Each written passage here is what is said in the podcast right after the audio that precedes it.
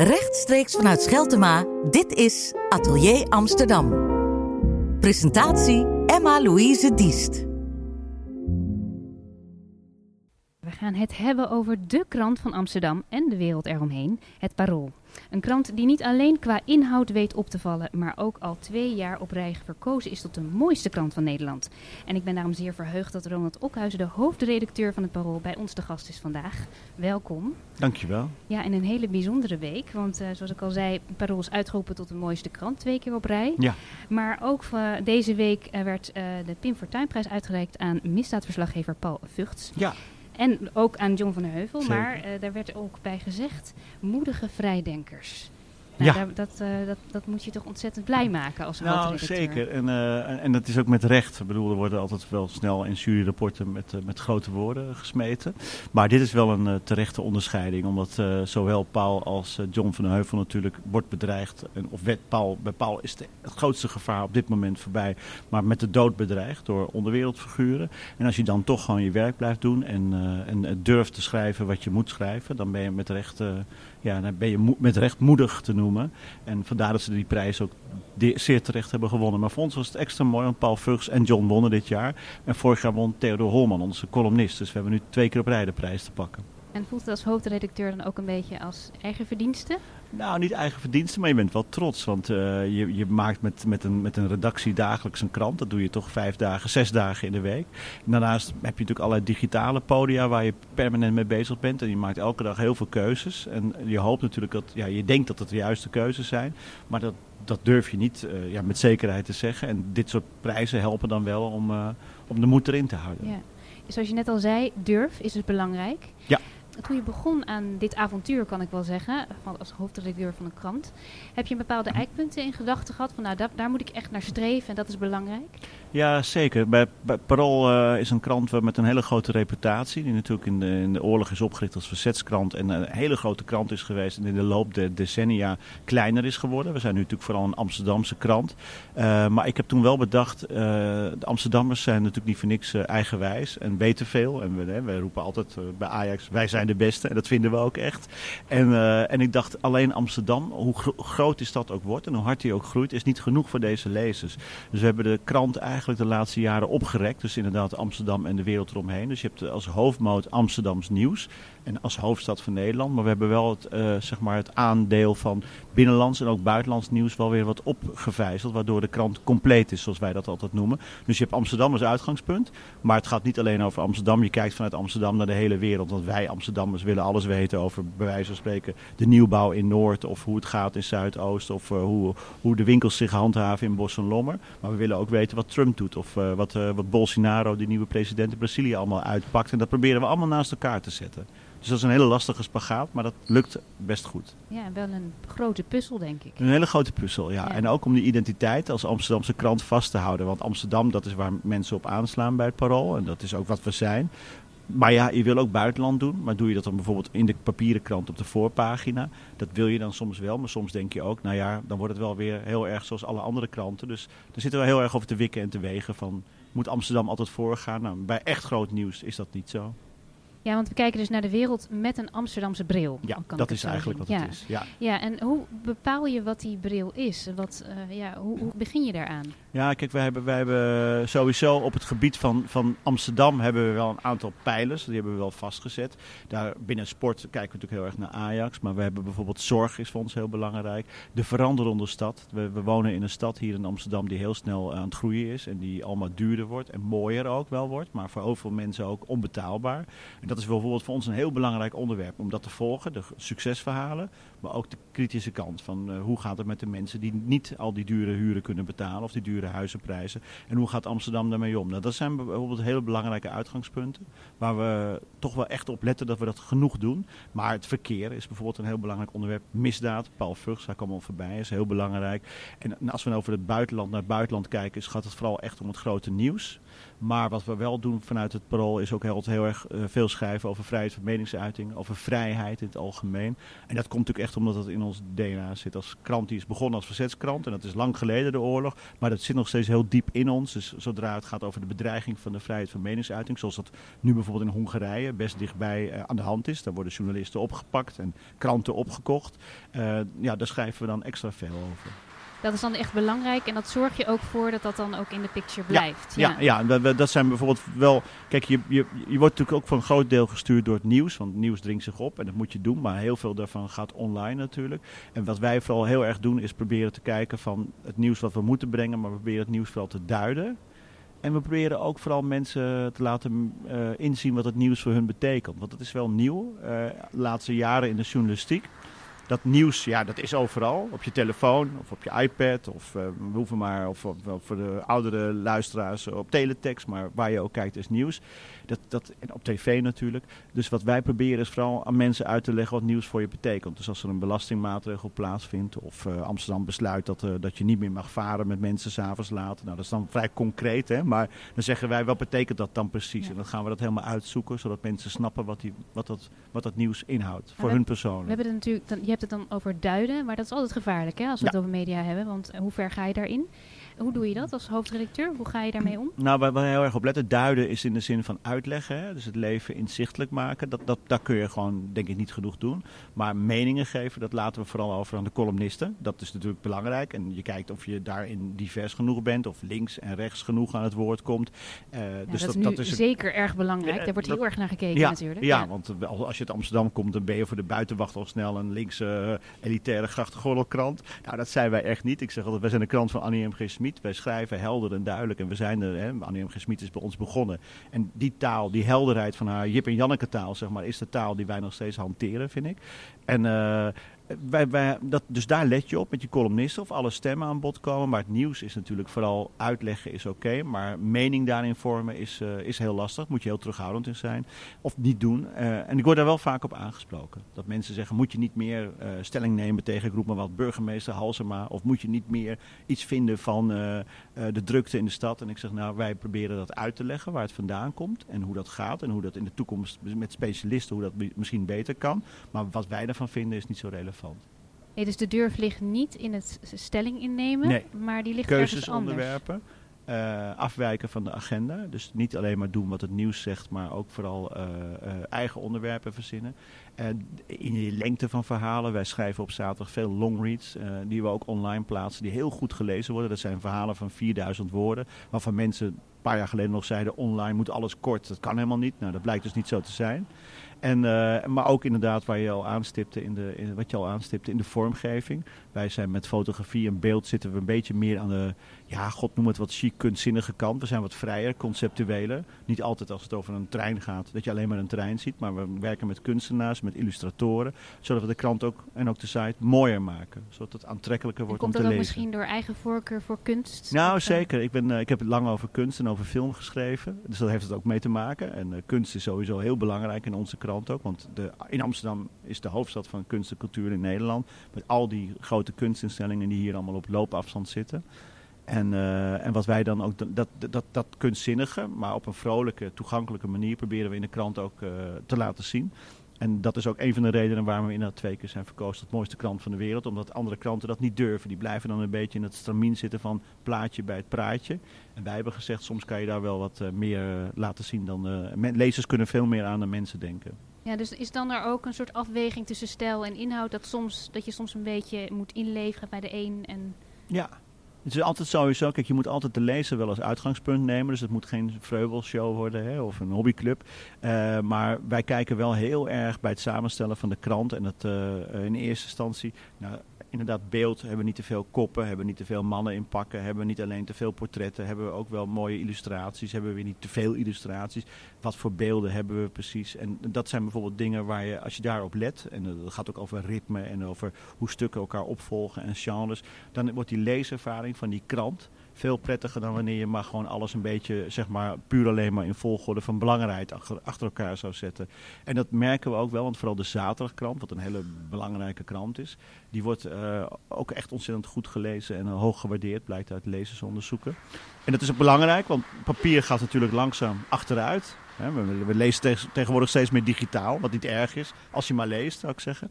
Maar de zaterdagkrant daarentegen, dat is heel interessant, zie je steeds populairder worden. Want mensen vinden dus analoog, ouderwets met papier een krantje lezen. En die moet je echt in handen hebben. Ja, dat is dat, nou ja, dat mensen vinden dat in het weekend ook lekker. Je zit altijd maar op die telefoon te turen op je beeldscherm. En op zaterdag denk je, weet je wat, ik pak die krant en krantje, croissantje zeggen mensen dan. En dan lekker op je dakterrasje of op je balkonnetje, als het weer toelaat, krantje lezen. Dus dat wordt een soort luxe ervaring. En we zien dat mensen dat steeds meer gaan waarderen in het weekend. En door de week is er minder tijd, willen mensen liever digitaal lezen we hebben het nu even over die digitale versie. Die is mhm. onlangs ook verschenen. Ja. Eh, heel uitgebreid. En uh, dat loopt al ontzettend goed. Ja. Um, dat lijkt me ook wel een grote stap om te nemen als krant. Zeker. Uh, hoe is dat gegaan? Nou, kijk, we hadden natuurlijk we hadden een site en een app, een nieuwsapp waar we, ja, die, die, zijn er allemaal al heel lang, maar daar waren we toch niet zo tevreden over. En we vonden ook dat de cijfers wat achterbleven bij wat een grote stad als Amsterdam met bijna 1 miljoen inwoners straks, wat dat zou kunnen zijn. Dus we hebben de boel echt enorm opgefrist. We hebben de site breder gemaakt. Vroeger was de krant heel breed, maar de site was puur Amsterdams. We hebben nu ook binnenlands nieuws, buitenlands nieuws. En zelfs een Engelstalige sectie voor de experts. Dus mensen die uh, niet Nederlands spreken kunnen daar vertaalde stukken lezen. Maar we hebben een digitale editie gemaakt. En dan moet je abonnee voor zijn. En dan moet je ook wel een tablet voor hebben. Dus dat zijn wel wat hindernissen. Maar als je dat hebt, krijg je de krant van de toekomst. Die we momenteel ook aan het maken zijn voor de telefoon. Maar dat duurt weer wat langer, want techniek is uh, gewoon heel ingewikkeld.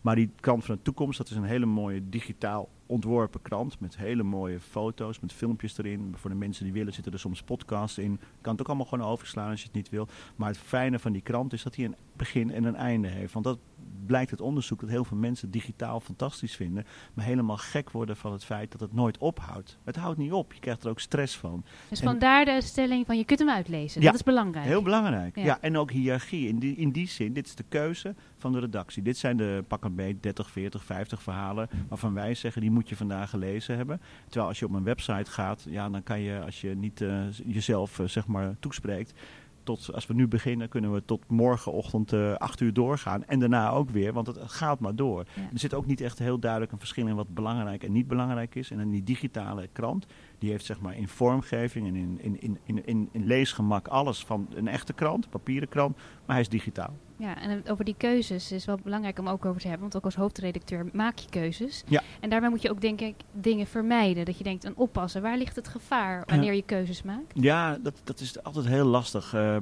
bijvoorbeeld toen we de krant opnieuw gingen vormgeven. Wat, wat, wat, wat iets is geweest wat nog steeds veel lezers... Uh, nou, een deel eh, ook nog ontstemd over is geweest. Lange tijd en nog soms nog wel een beetje. Ik heb bijvoorbeeld van twee kranten één krant gemaakt. Wij hadden twee katernen. Ik vond dat niet mooi. Ik wilde een één compacte, dikke krant. Dat heet een one-issue paper in het Engels. Uh, dat betekent dat je hem niet meer uit elkaar kunt halen. Dus je kunt hem, als je met iemand samen woont, kun je die krant niet delen. Nou, dat is iets wat, een keuze die ik heb gemaakt. Maar daar heb ik bijvoorbeeld wel toch zeker 400, 500 e-mails over moet beantwoorden. Wat ik ook keurig heb proberen te doen, zover als dat gaat. Had je dat uh, verwacht? Nee, nee. Ik dacht wel mensen moeten wennen, want mensen zijn gewoontedieren. Maar dat het zo heftig was, had ik niet verwacht. En toch vind ik het inhoudelijk sta ik erachter. En je moet dit soort keuzes maken.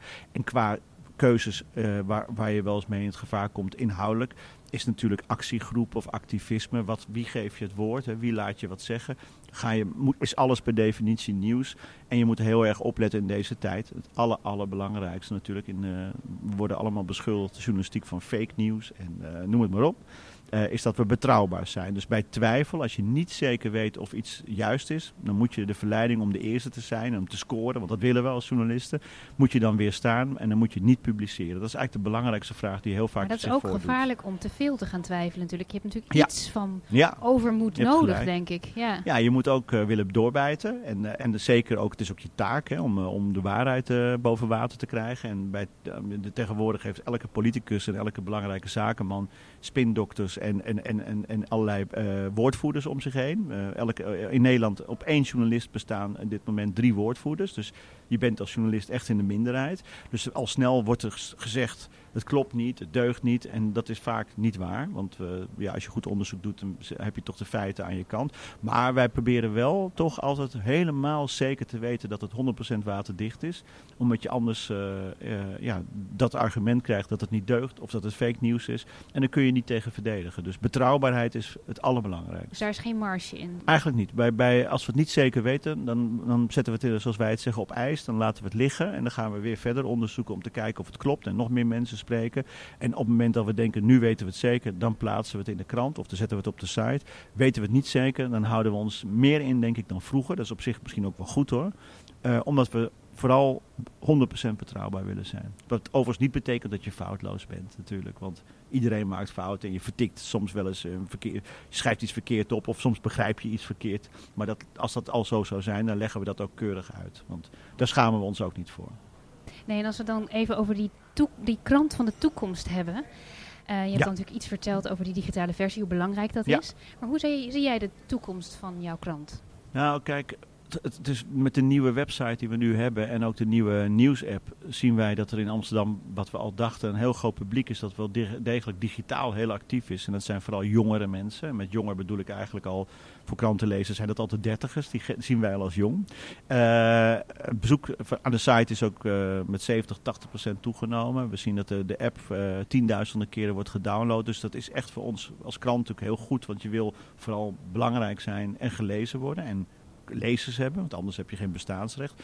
En we zullen denk ik in de toekomst wel zien dat het digitale lezen, toch uh, ongeacht wat mensen ervan vinden, en ik ben zelf ook een papieren krantenman, uh, dat zal op een gegeven moment natuurlijk winnen van het papier. Maar dat is nog wel ver weg. Want als je naar de, kijkt hoe wij bijvoorbeeld ons geld verdienen, verdienen we nog steeds veel geld met papieren kranten. Dus er is nog niet zoveel beweging in die markt. Maar als je denkt over 7, 8, 9 jaar, denk ik dat er toch een flink aantal kranten door de week alleen digitaal zijn te lezen. Dus dat, ja, met een goedkoper digitaal abonnement op de website alles kan lezen. Of dat je een abonnement neemt dat je een digitale krant kan lezen. Die van alles doet met geluid en links en filmpjes. En, maar ook gewoon een krant is.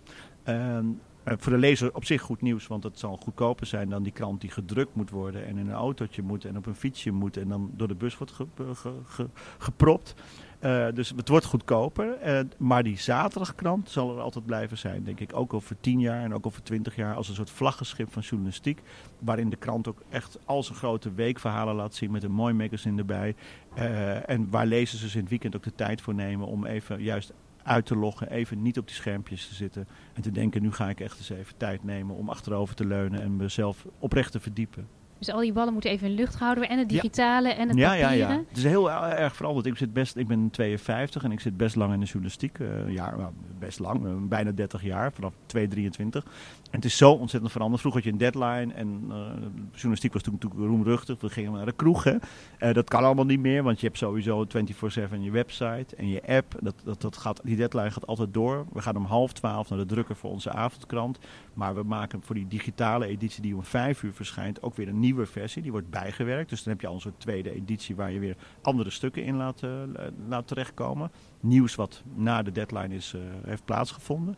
En natuurlijk ben je permanent met je site bezig. Je bent aan het kijken wat moeten we op welk moment plaatsen. Je hebt twee, drie nieuwsbrieven per dag. Je hebt pushberichten. Dus in die zin is het heel veel meer geworden. En we doen het natuurlijk wel met minder mensen dan vroeger. Mensen vragen wel eens, werken er bij jullie op de redactie? Uh, uh, heb je dat dan ook, dat mensen er geen zin meer in hebben? En ik zeg altijd, dat kan gewoon niet zo zijn, want dat werk uh, vraagt zoveel van mensen. En het is natuurlijk, je bent ook bevoorrecht als journalist, want je staat met je neus vooraan en je mag lekker overal naartoe. Maar je kunt het alleen maar doen met de totale overgave, want anders is dat werk niet vol te houden. Want het gebeurt heel vaak dat je vrij bent of s'avonds thuis zit en er gebeurt iets op jouw gebied.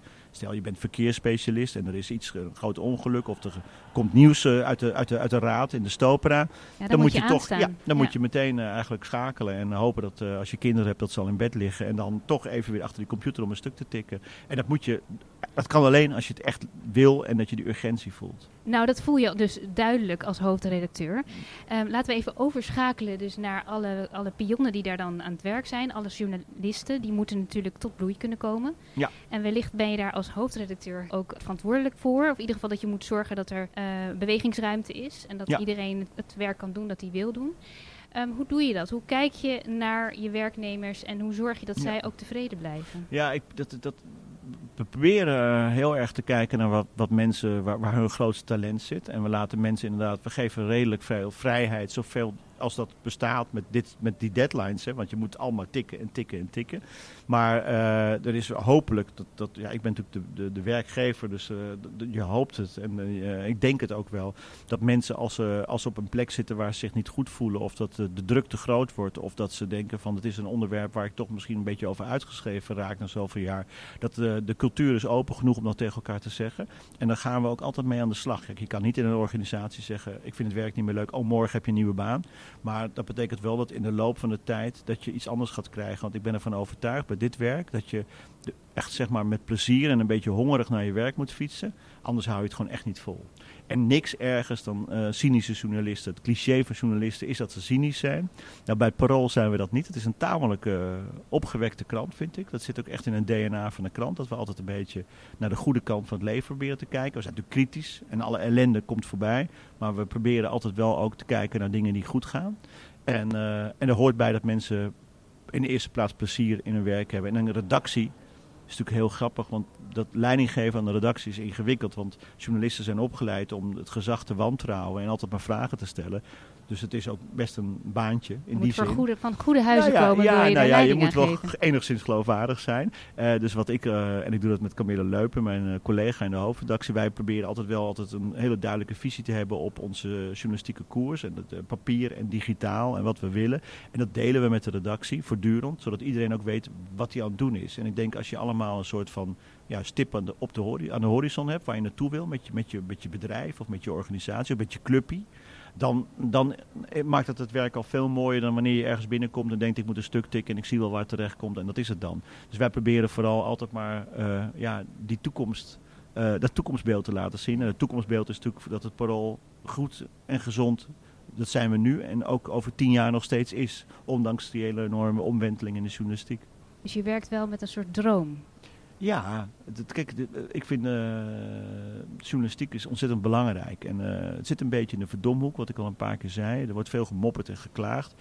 We zien ook een kentering, dat mensen wel juist daardoor inzien door de opmars van populisme. En mensen die maar roepen dat journalisten niet deugen en dat het allemaal dat het allemaal een complot is. Daardoor zie je ook dat een gelukkige grote groep mensen zegt, maar ik vind het wel belangrijk, want ik lees toch liever een stuk wat drie keer gecheckt is dan iemand die maar wat opschrijft. Uh, en mijn droom is wel uh, in dit geval dat het Parool, een krant die in de oorlog notabene is opgericht uh, als verzetskrant, en waar mensen, tientallen mensen voor zijn vermoord, omdat het toen een illegale krant was, door de nazi's, door de Duitsers. Uh, omdat ze de krant voor de krant schreven of omdat de krant werd gedrukt. Dat is natuurlijk zo'n groot offer geweest en ook zo'n groot zeg maar, eerbetoon aan vrijheid. Dat, dat, ik vind dat die krant altijd moet blijven bestaan. In wat voor vorm ook. Nou, gelukkig is de krant ook nu gezond. Het gaat ook echt goed. Maar mijn droom is, want je ziet in de journalistiek dat er heel veel, we hebben het over, verandert. En dat de verdienmodellen, een lelijk woord, dat die anders worden. En dat is natuurlijk heel belangrijk dat die krant ook over tien jaar kerngezond is en onafhankelijke journalistiek vanuit Amsterdam bedrijft. En het is ook belangrijk voor de stad Amsterdam dat een zenders, lokale zenders zoals AT5, maar weet je, jullie zender, weet je wel, dat, dat er vanuit lokale uh, media zijn, en het parool hoort daar ook bij, die gewoon ook over de stad kritisch kunnen zijn, die de verhalen van de stad kunnen vertellen, die ook de Amsterdammers uh, zeg maar het leven in Amsterdam kunnen uitleggen. Want dat is, ik, geloof ik oprecht in heel belangrijk als soort balsem voor, voor een samenleving. En als dat wegvalt en er is geen controle meer bij, bij de beleidsmakers, dan, dan wordt het allemaal heel erg ongezond en ongezellig. Nou, ongezellig gaat het niet worden bij het parool, als ik het zo hoor. Nee. Hongerig en uh, opgewekt gaan we de toekomst in. En uh, ja, die droom, daar willen we wel onderdeel van zijn. Bedankt voor dit gesprek. Dankjewel.